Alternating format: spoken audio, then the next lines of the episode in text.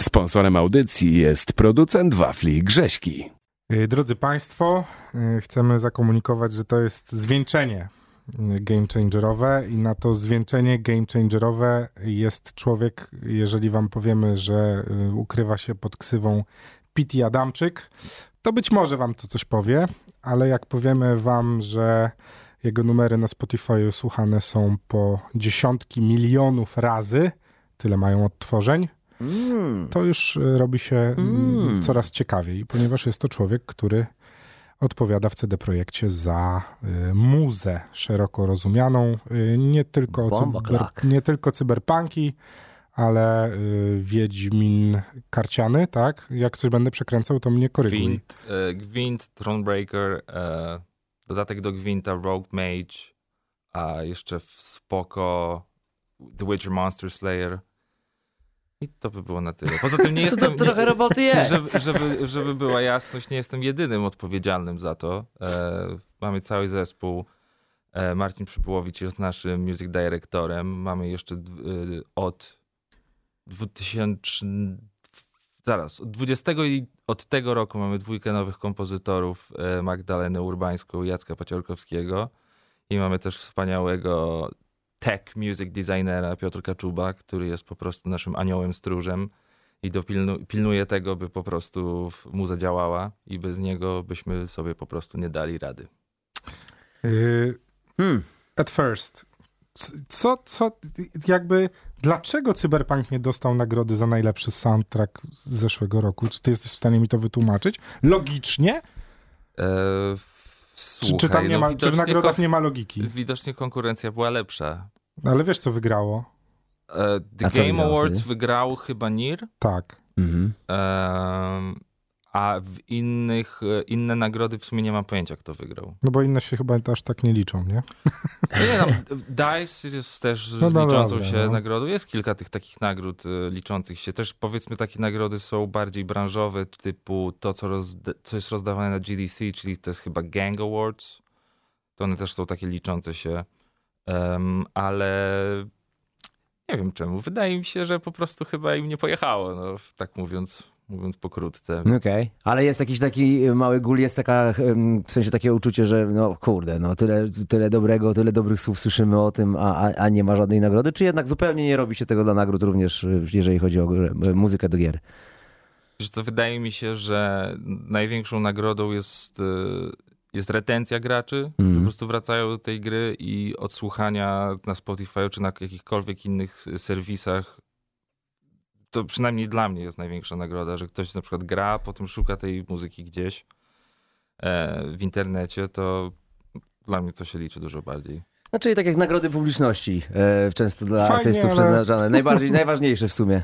Słuchaj, oczywiście będziemy rozmawiać o twojej pracy, ale będziemy, zaprosiliśmy cię tu też w roli eksperta od e, rynku muzycznego w grach komputerowych. e, Przerażające który, to jest. który też będziemy... Dlaczego?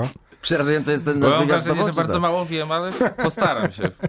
No nie możesz mało wiedzieć. Pierwsza gra, która przez muzę zwróciła twoją uwagę. Y, to akurat musiałem o tym tak y, solidnie pomyśleć i wydaje mi się, że nie ma y, nie ma gry, która zrobiła na mnie większe wrażenie niż Diablo 2. Hmm. E, I to, co jest ciekawe dla mnie, to to, że bardzo dużo soundtracków z tamtego czasu, głównie przez ograniczenia produkcyjne, brzmi trochę śmiesznie teraz. E, Głównie za sprawą tego, że technologia typu sample i tak dalej, które wtedy były dostępne, wiadomo, orkiestrę, na, na orkiestrę mało kto mógł sobie teraz pozwolić. Zresztą cały czas jest to nie jest to oczywiste, że, że każda gra będzie miała full live nagrany Aha. soundtrack. Aha. Em, To wydaje mi się, że Diablo 2 mimo, mimo tych wszystkich Ograniczeń. ograniczeń wciąż brzmi ok. I uważam, że aranżacyjnie, produkcyjnie, klimatycznie tam się wszystko zgadza i też z takiego punktu widzenia implementacji i innych czysto technicznych rzeczy uważam, że cały czas jest spoko. Grałem w remaster i Nadal czary po wszystko Nie no, te, te, ten pierwszy akord, który tam wjeżdża, ten, Tak. y, to jest po prostu ciara za każdym razem. No, Musimy to też jest... powiedzieć o tym, że, że to był taki w ogóle dosyć ciekawy moment w historii gier komputerowych, kiedy ktoś, no właśnie, może nie postawił wszystko na jedną kartę, ale zorientował się, że jakby wyszliśmy już z tej ery 8-bitowej i, i muza faktycznie w grach zaczęła działać, no ale ktoś kiedyś musiał porwać się na ten szalony plan zrobienia muzyki specjalnie do gry, całego, wiesz, tak jak robisz do filmów i tam do filmów wchodzi kawałek, no to tak gra z zupełnie innym tworem była w tamtym czasie, no bo okazało się, że no właśnie, jeżeli masz 60 godzin gameplayu, to mhm. trzeba zrobić 60 godzin muzyki, nie? Na szczęście nie, bo gdyby tak było, to cały czas bym robił cyberpunka.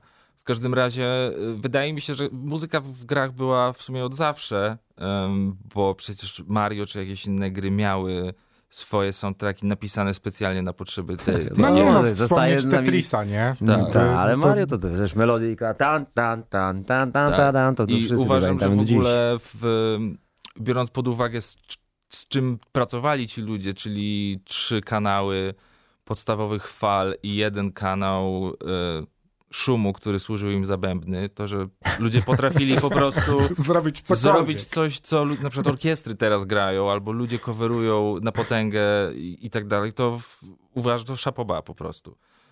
Także wydaje mi się, że muzyka w grach to jest, jest, jest nierozłącznie po prostu związana z grami, e, natomiast e, kiedy pojawiły się płyty CD i gry zostały, były na nich wydawane, wtedy faktycznie była taka zmiana, że my możemy w sumie wyprodukować score do tej gry tak, jakbyśmy robili płytę po prostu i możemy właśnie ją dostarczyć graczom i mamy, te komputery też na tyle silne, że my możemy to wsadzić do tej gry i sprawić, że to będzie działało tak, jak mniej więcej chcemy.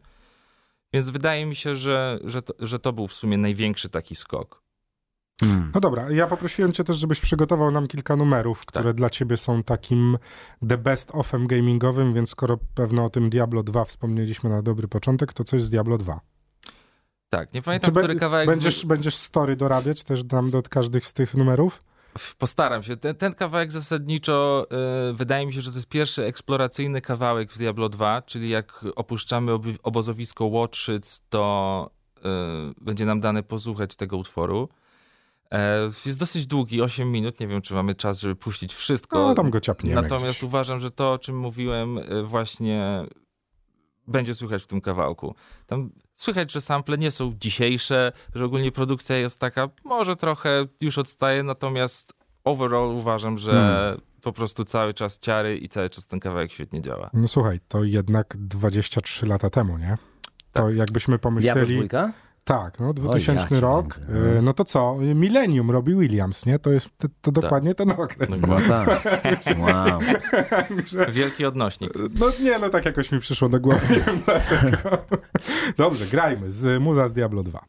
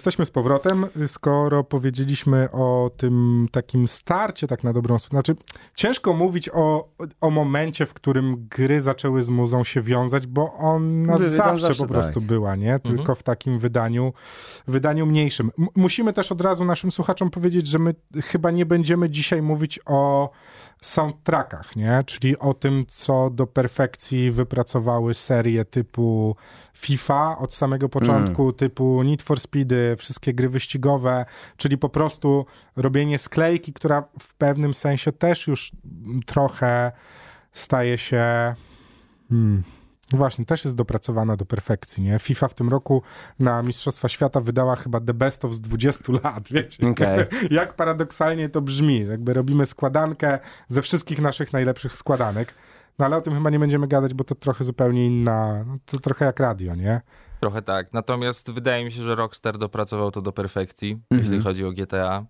E, I to jest chyba taki niedościgniony ideał dla wszystkich. Okej. Wszystkie tak, radiostacje w stacje- autach i tak dalej. Tak. Stacje radiowe ze wszystkich chyba serii GTA do tej pory we wszystkich serwisach streamingowych Tak. się Ale przewijają. ja też na przykład nie? bardzo szanuję w FIFA przez lata to, że oni jak robili te, e, te soundtracki, to, to faktycznie dobierali mnóstwo artystów, e, którzy jeszcze wtedy nie byli, tak powiedzmy, bardzo znani. Nie? I tam Mhm. było mnóstwo takich e, utworów, które dzięki FIFA tak naprawdę stały się potem hitami na cały świat. Tak. I to, No tak. Ja na przykład pamiętam e, Santy Gold. To była taka osoba, No. którą poznałem przez FIFA na I przykład. Tak jest.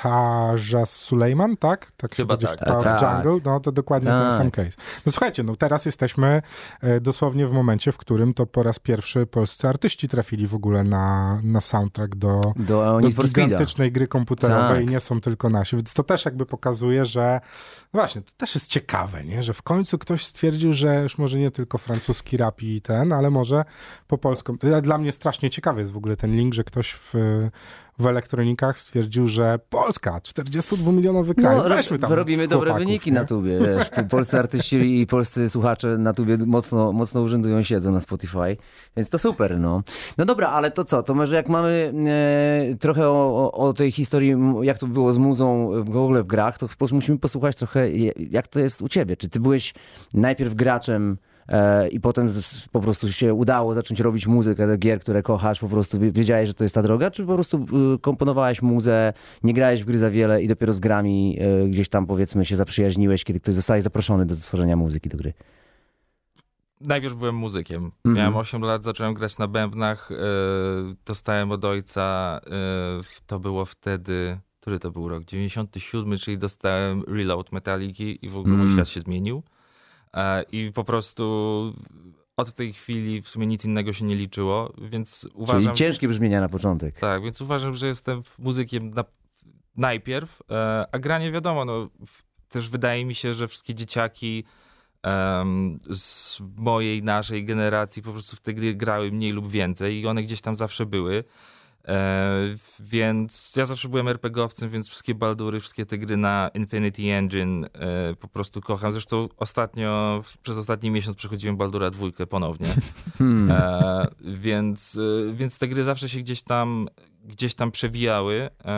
Natomiast jak wchodziłem już w dorosłość, nazwijmy to, i patrzyłem na sytuację w ogóle muzyczną, co się dzieje, czy to w popkulturze, czy to właśnie w jakichś innych sytuacjach, do których dałoby się coś napisać, to wydawało mi się, że po prostu gry są najciekawsze, e, że Mhm. wachlarz stylów jest, jest najszerszy, e, że Najmniej ograniczeń jakichś takich poza, ram. tak, tak. poza tym Mhm. wydaje mi się, że też z racji tego, że branża jest młodsza niż na przykład film, e, to ludzie są może trochę odważniejsi, może też są jakby bardziej skorzy do próbowania. Mhm, Nie ma utartych szlaków jeszcze tak. jakichś. Mhm.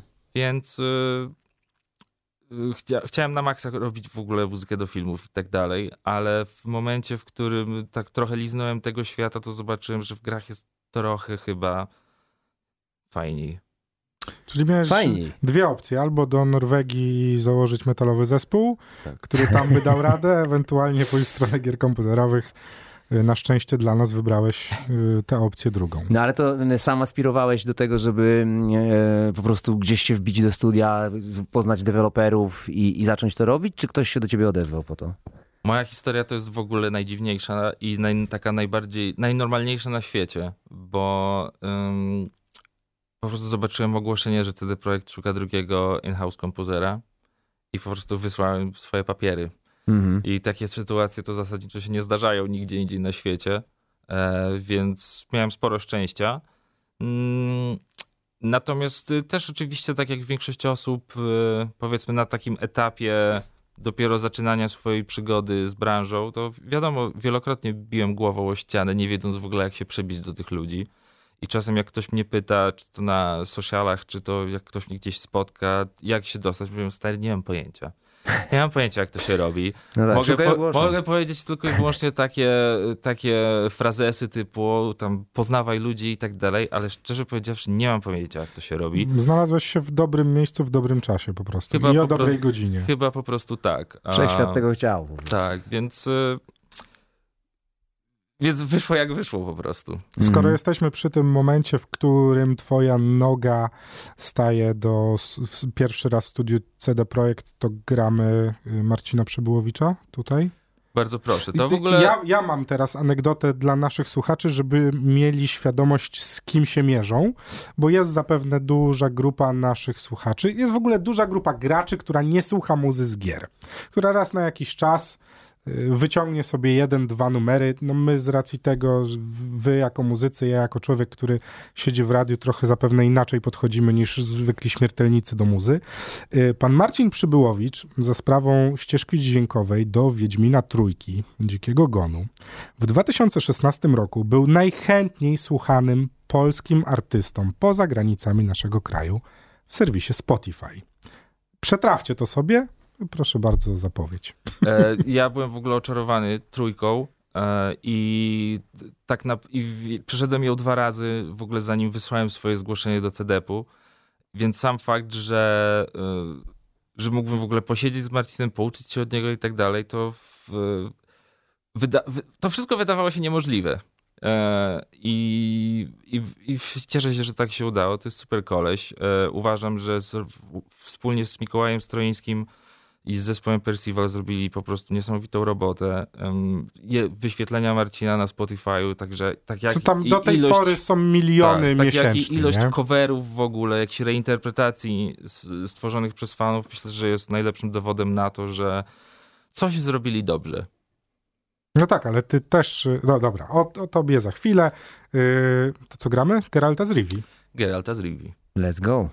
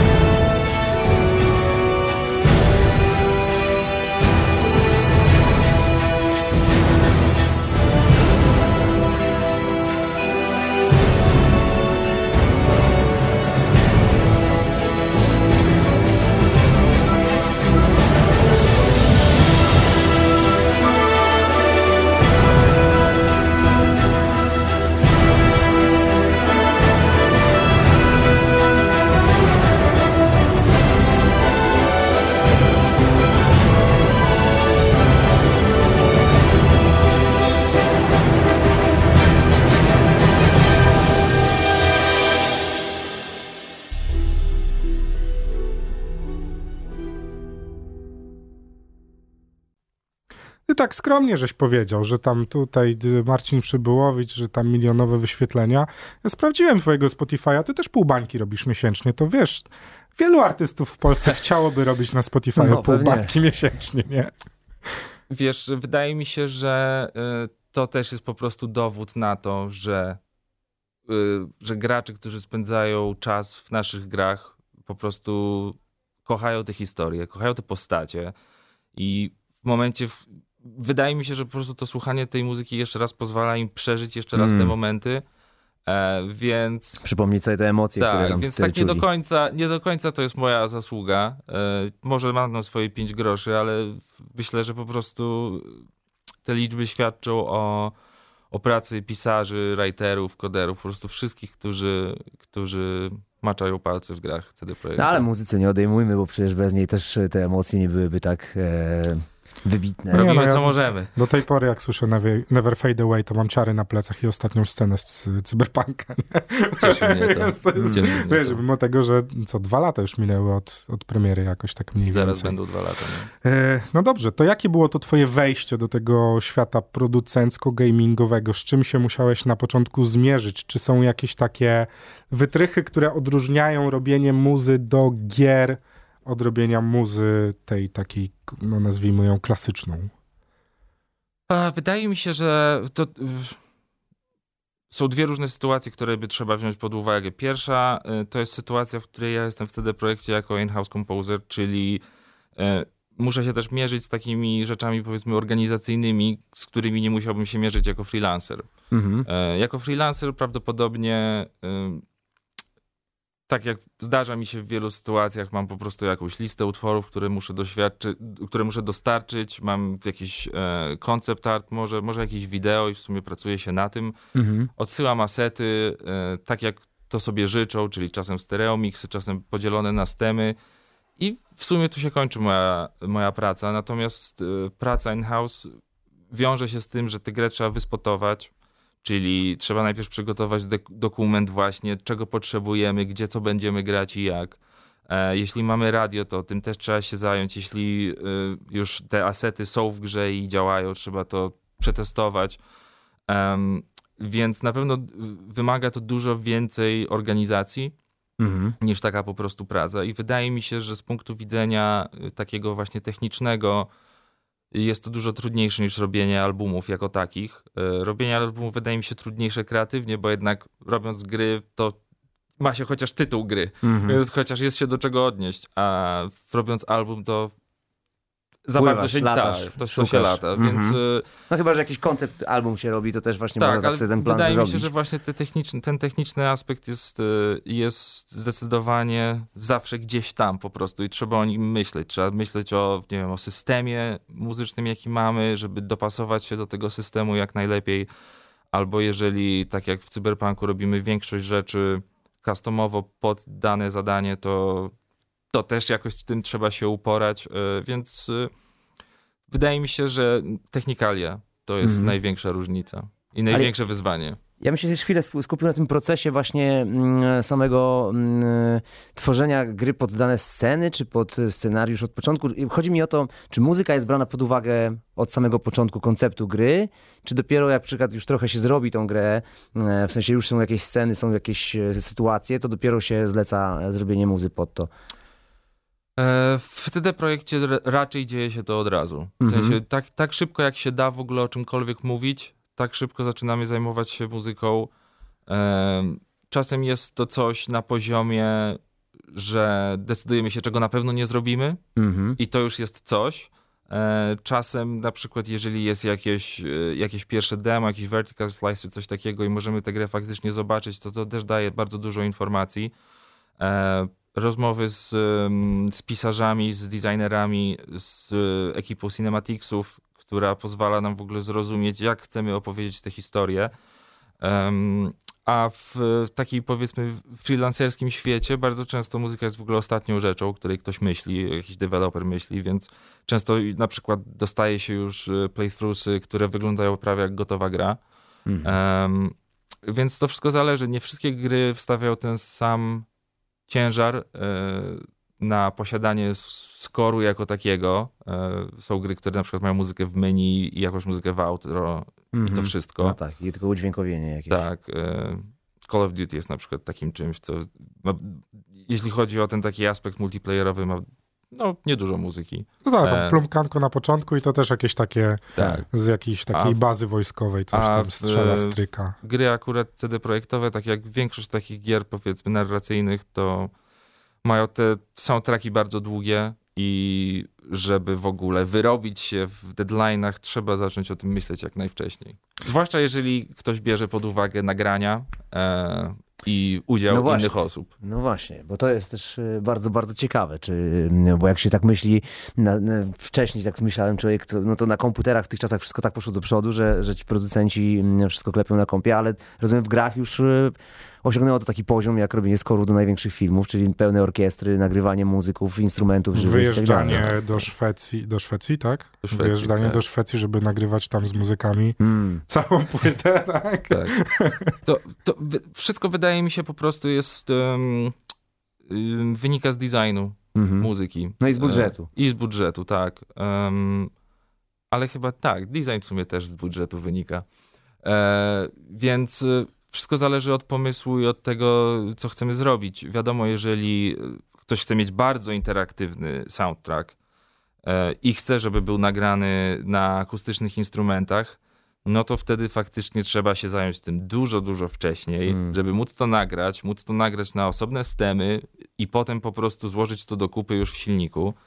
E, Natomiast na przykład z tego co pamiętam, e, Star Wars Battlefront drugi em, chyba w ogóle nie jest interaktywny. Wszystko jest chyba nagrane w stereo i po prostu to, co zostało nagrane z orkiestrą jest po prostu soundtrackiem, bo nie wymagali interaktywności muzyki. Po prostu ona gra i jak wchodzi, wchodzi temat Dartha Vadera, jest super i, i on się potem kończy i jest trochę ciszy, także wszystko zależy od, wszystko zależy od tego, co chcemy, Bo żeby ta muzyka i- robiła. Interaktywna to rozumiem jest, że y, po prostu są różne rozwiązania danej sytuacji w grze i przez to będą różne utwory też w tle leciały, tak? Też, zasadniczo mamy coś takiego, mamy jakby dwoja, dwa typy interaktywności, takie główne, to jest horyzontalna i wertykalna.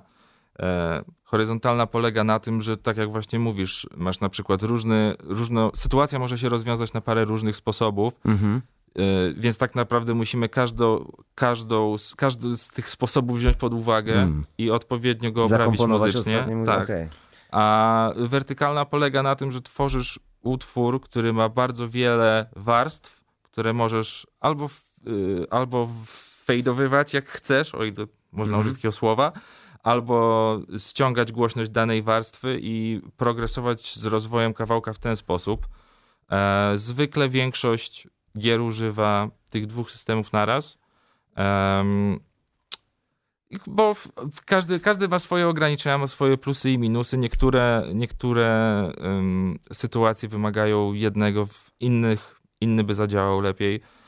E, to już jest coś takiego, co tak naprawdę sama gra podpowiada. Nie da się za bardzo tego przewidzieć w 100%. Tu stawiamy przecinek. Co następne będziemy grali z twojego krótkiego oczywiście The Best Ofu To, to jak, muzycznego? y, skoro rozmawialiśmy trochę o technicznych rzeczach, to posłuchamy może um, utworu z Uncharted, który być może nie obrazuje dokładnie tego, o czym mówimy, bo takie rzeczy da się zobaczyć w grze. Natomiast ja jestem wielkim fanem tego, jak e, ekipa Sony robi i implementuje soundtracki do swoich gier. Uważam, że to jest po prostu klasa światowa. Nie grałem jeszcze w nowego God of War'a, ale nie Ja mogę się doczekać. Już przyszedłeś?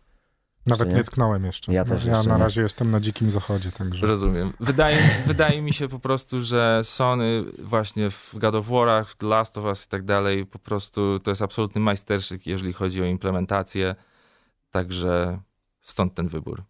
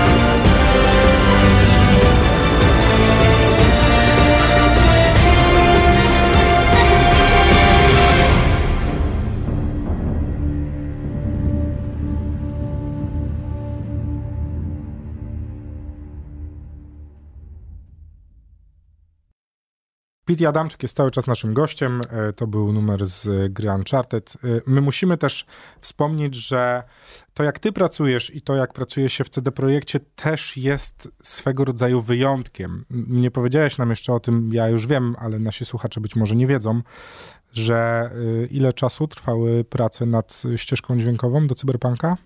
Bardzo długo. No ale tak, w sensie, no to, to są lata, nie? Tak, tak. No myślę, że tak, y, bo w międzyczasie zrobiliśmy też Thronebreakera. Myślę, że dwa i pół roku takiej pracy, pracy. Wow. Wyobrażasz sobie muzyka w tym momencie, który pracuje nad krążkiem? No dobra, no są tacy muzycy, ale to już są muzycy, wiesz, no. Na przykład ja.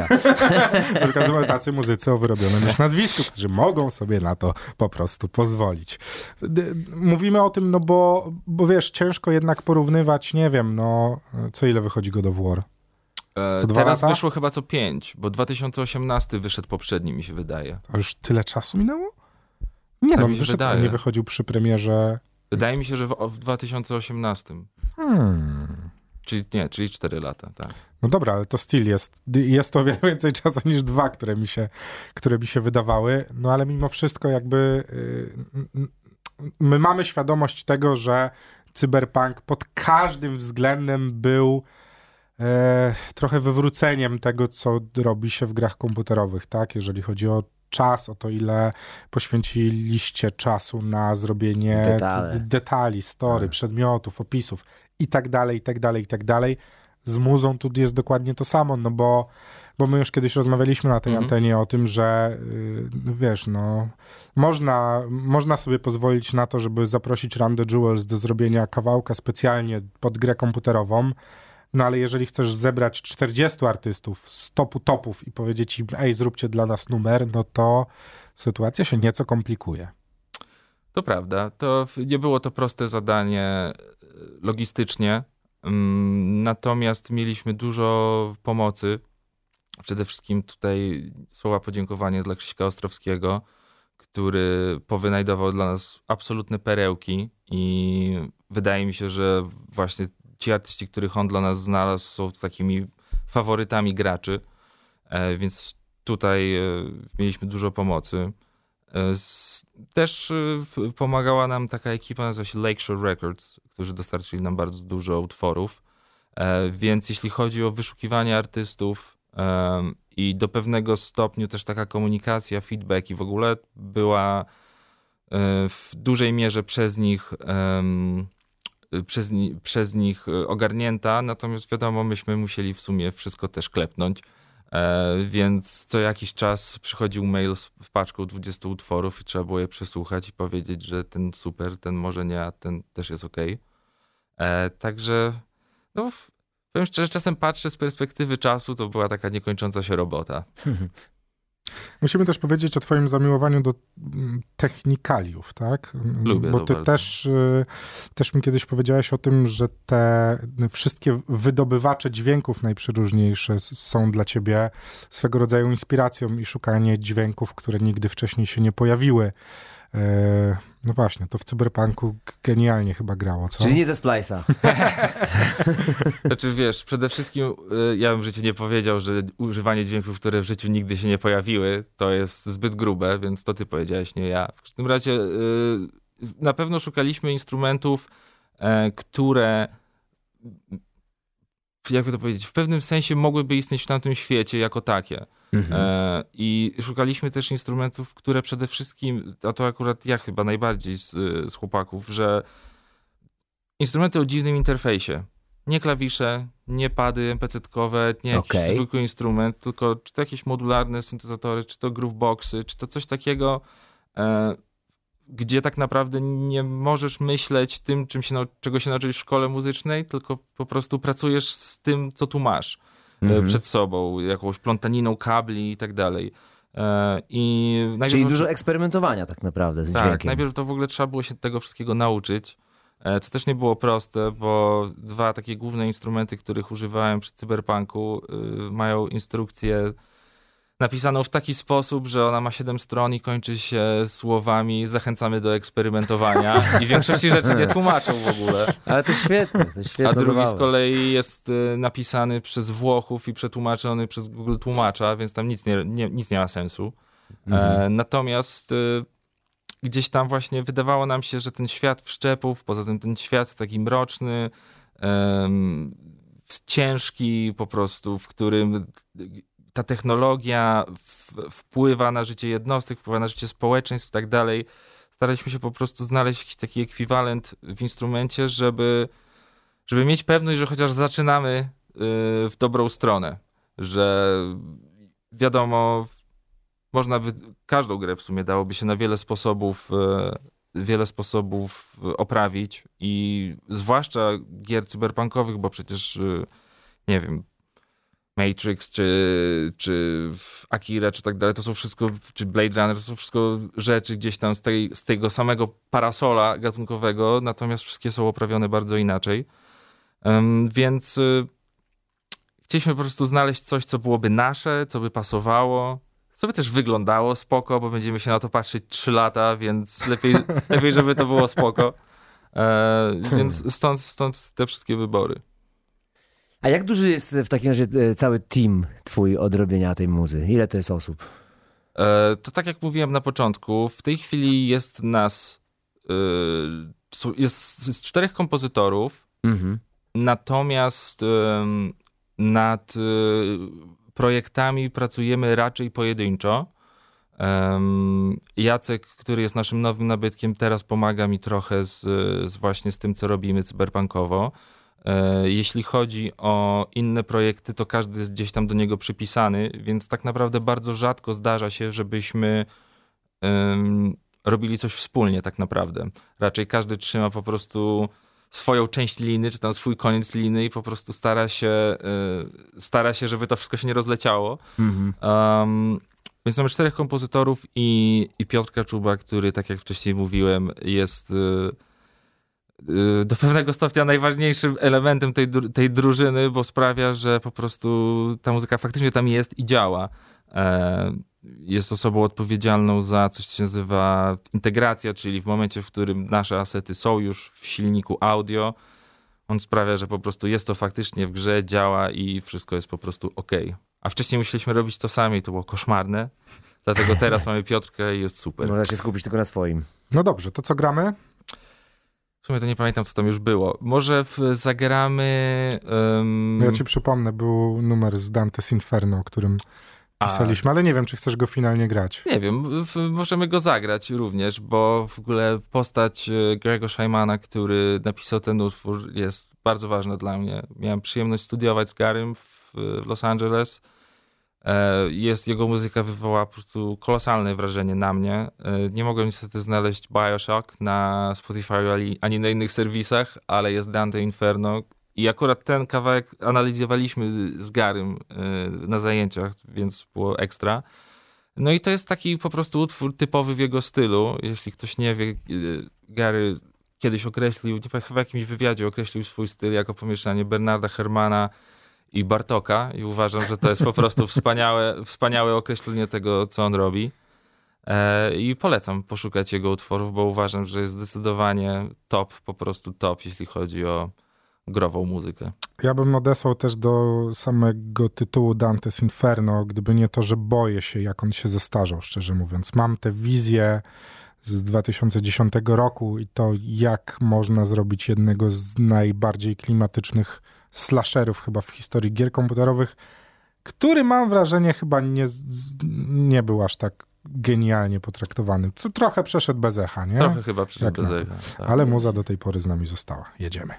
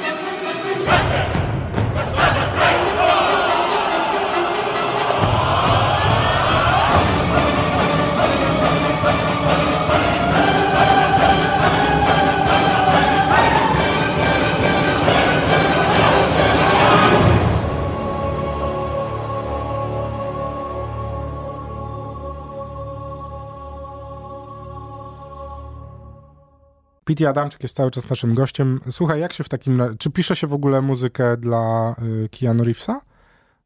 Miałeś taki moment, że jak się dowiedziałeś, że będziesz robił muzę, to wiedziałeś, że to będzie Johnny?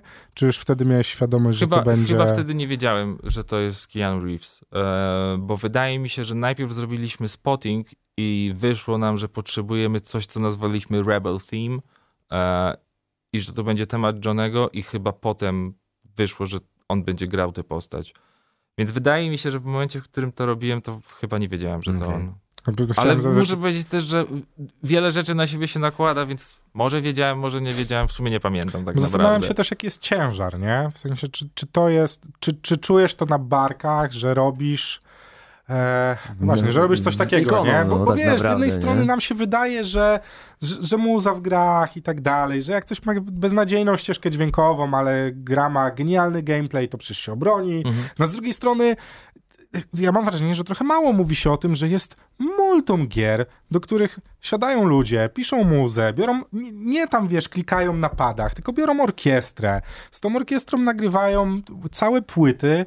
Ja, ja wiem, zdaję sobie sprawę, że są w tym momencie ludzie, którzy jeżdżą po całym świecie i grają muzę z gier w, wiesz, największych y, salach koncertowych i są ludzie, którzy na to chodzą, ale jednak mam wrażenie, że nie mówi się o muzie z gier chyba, wiem, poważnie to jest złe słowo, ale Wystarczająco? no, że, no tak, nie? Że, że jednak Może jest powiedzieć, coś takiego. że- odkryłem, odkryłem taki patent, y, bo jak mówię ludziom, że piszę muzykę do gier, to y, często jest jakiś uśmiech, taki, wiesz, Taki po, uśmiech politowania, Aha. Więc zacząłem Średnio mówić- ci w życiu wyszło. więc zacząłem mówić, że piszę muzykę interaktywną.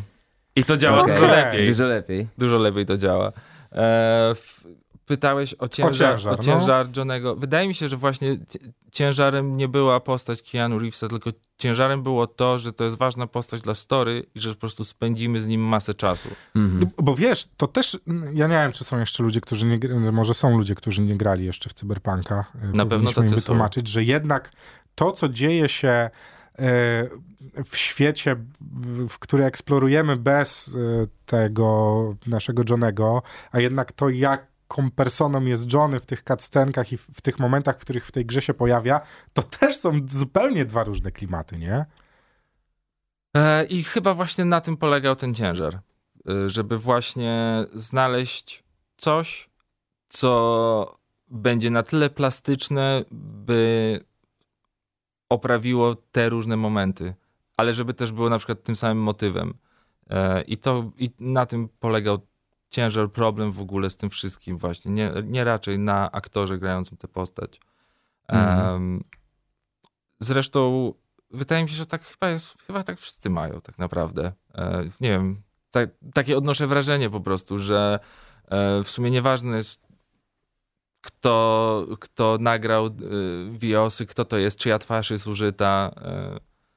Najważniejsze jest jakby kim ta postać jest dla opowiadanej historii. E, no i screen time właśnie, bo Johnego jest bardzo dużo i możemy mieć z nim różny stosunek e, w momencie, w którym gra się kończy, więc e, trzeba było to wszystko przewidzieć. No wiesz, to też jest ciekawe socjologicznie zapewne, jaki był najczęstszy pierwszy wybór graczy zakończenia cyberpunka, nie? To jest też... O, to jest ciekawe. Wiem, że No, gracze, gracze chyba e, twierdzą, że zakończenie nomadzkie jest najlepsze. To Mhm. obiło mi się o uszy coś takiego. E, natomiast jak procentowo to wygląda, nie mam pojęcia. Ciekawe. A ciekawe, jaki procent graczy też skończył wszystkie możliwe w ogóle, wiesz. No ale to pewno kwestia pewno sprawdzenia trochę. platyn, nie? Muszę powiedzieć, że moja żona skończyła y, w spoiler alert, oddając ciało Johnemu i to mnie na maksa zaskoczyło. Mm. Okej. Byłem przekonany, że wybierze coś innego, a tak zdecydowała i byłem tak, hmm, nieźle. Czegoś nowego się dowiedziałem. tak. Ach, no tak. Y, Ja, ja skończyłem. Ja platynkę zrobiłem. Tak? Cyber- Tak. No. O, wow. Super. Y, I to tak... y, Jezu, nie wiem, chyba z miesiąc po premierze, tak. Obiecałem sobie, że to zrobię. Ja nie jestem mistrzem platyn, ale jakoś taki miałem, miałem gruby challenge i powiem wam szczerze, że chyba bo, bo sam chciałem sprawdzić e, zakończenia i chyba tylko jedno sprawdziłem, jak trzeba zrobić, którego, którego Mhm. nie wiedziałem. To, w którym trzeba najwięcej cierpliwości. To tak dla tych, którzy... E, I, I to było chyba jedno, jedyne trofeum, którego, którego mi brakowało do platyny, które musiałem sprawdzić.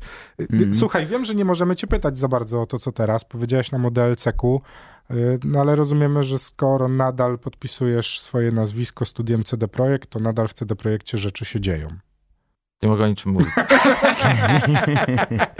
Poproszę następne pytanie.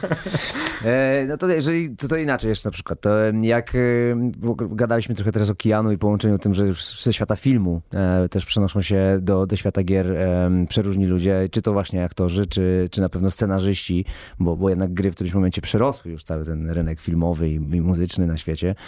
E, to myślisz, że to, czy w drugą stronę też zaczyna to działać? Czyli na przykład jeżeli kompozytor zrobił fenomenalną muzykę do, do gry, to czy Hollywood zaczyna się odzywać? Coś słyszałeś może o czymś takim? Wydaje mi się, że jedynym takim przykładem jest Michael Giacchino, Mhm. który zrobił, to był albo Medal of Honor, albo Call of Duty jakieś takie dawno, dawno temu. Takie, którym by jeszcze bardziej się liczyło singleplayerowo. Chyba tak. I wydaje mi się, że to jest jedyny przykład, a potem wiadomo Oscar za odlot i w ogóle cała masa No ale po co, oni, po co oni mają patrzeć w stronę branży, która jest słabsza od ich branży? Czy wiesz co, no to nie chodzi, to, to nie chodzi o to, co jest mocniejsze, wiesz, po prostu też film jest piękną sztuką przez lata, ale to prawda, że, że gaming jest teraz dużo wyżej. Ja oczywiście przepraszam, to była taka mała szpileczka w stronę moich kolegów, którzy audycję o, o filmach prowadzą. Ja w ogóle się nie znam. Nie, ale myślę, że to byłoby też pewnie nie jedno marzenie y, kompozytora z gier komputerowych, Na siąść pewno. sobie do filmu, nie? Na pewno, zwłaszcza, I pewnie że, nawet dużo prostsze dla niego. że dużo, jest, dużo jest jakby części wspólnych. Mhm. I myślę, że wielu kolegów po fachu by się świetnie spra- sprawdziło w czymś takim.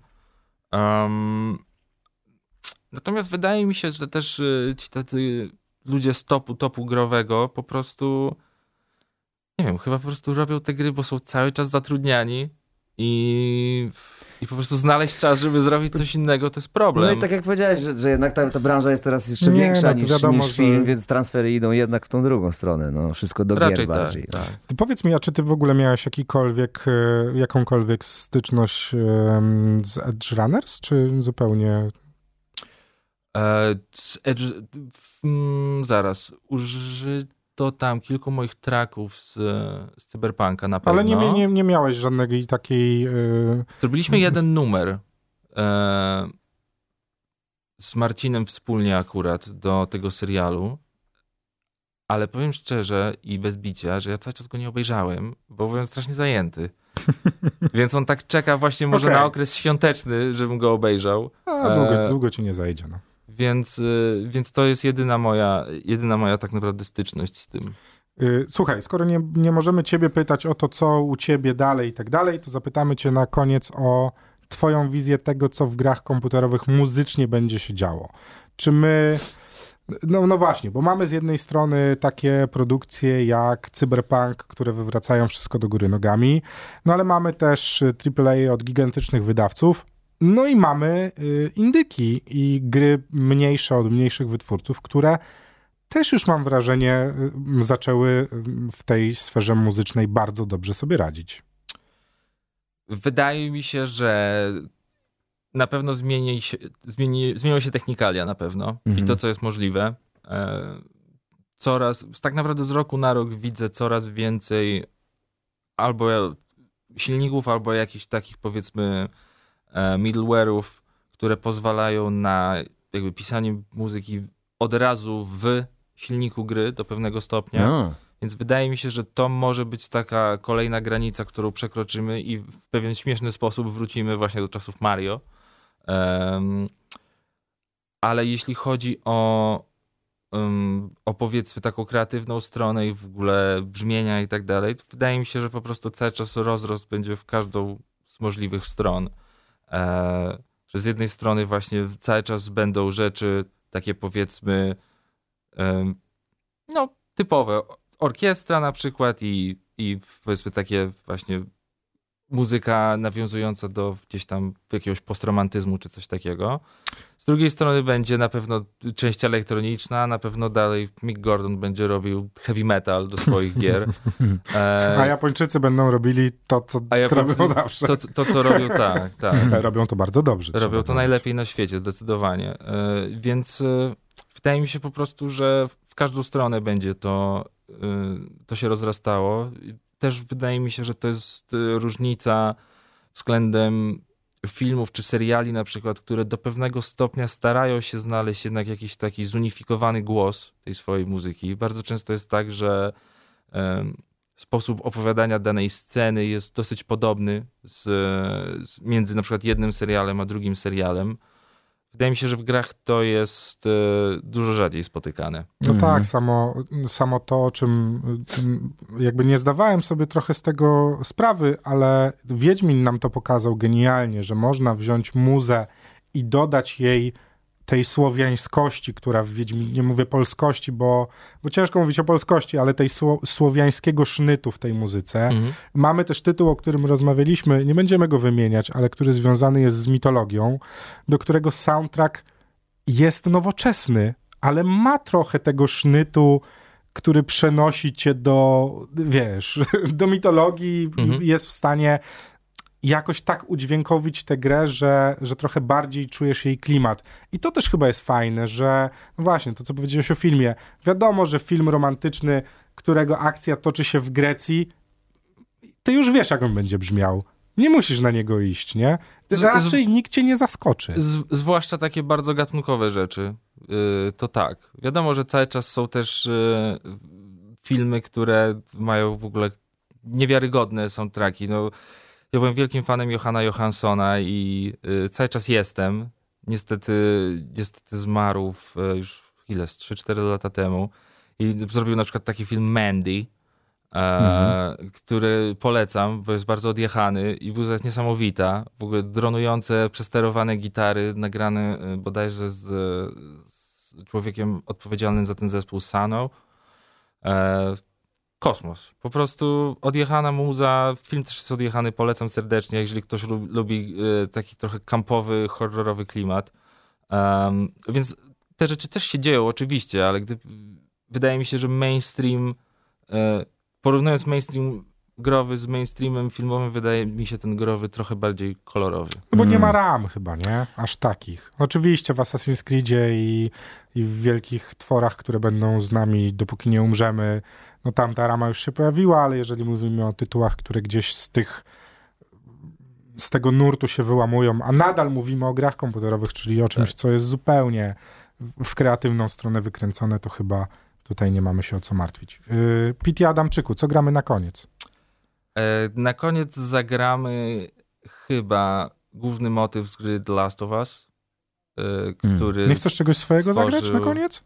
Na pewno nie. Nie, dobrze. Który stworzył e, Gustavo Santaolalla, dwukrotny zdobywca Oscara i o tyle jest to niesamowity utwór, bo moim zdaniem pokazuje, jak niewiele trzeba, żeby po prostu opowiedzieć historię, złapać ludzi za serca i przez lata ją trzymać, bo to jest utwór z 2013 roku, tak jak sama gra. E, kultowy moim zdaniem. W, drugim, w drugiej odsłonie The Last of Us też Gustavo Santaolalla brał udział.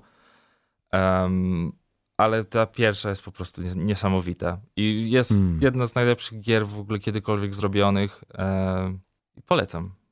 Polecamy The Last of Us. Pete Adamczyk był z nami. Dzięki. Bardzo dziękujemy. Dzięki wielkie.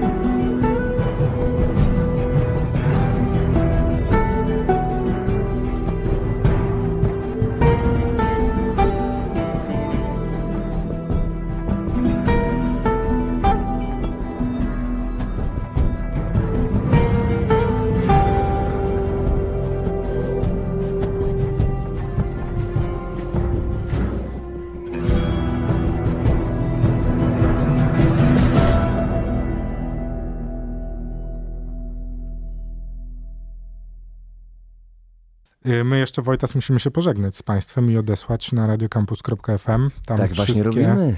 wszystkie Tak rzeczy i wszystkie odcinki Game Changera, które do tej pory się y, pojawiły. I przeróżni goście, których tam mieliśmy. Zapraszamy serdecznie do odsłuchania na Radio Campus FM. Tak jest. Y, Nie mówimy ostatniego słowa, być może, bo nie wiemy, co się wydarzy. Ale Pa! bardzo nam było miło. Dzięki serdeczne. Sponsorem audycji jest producent wafli Grześki.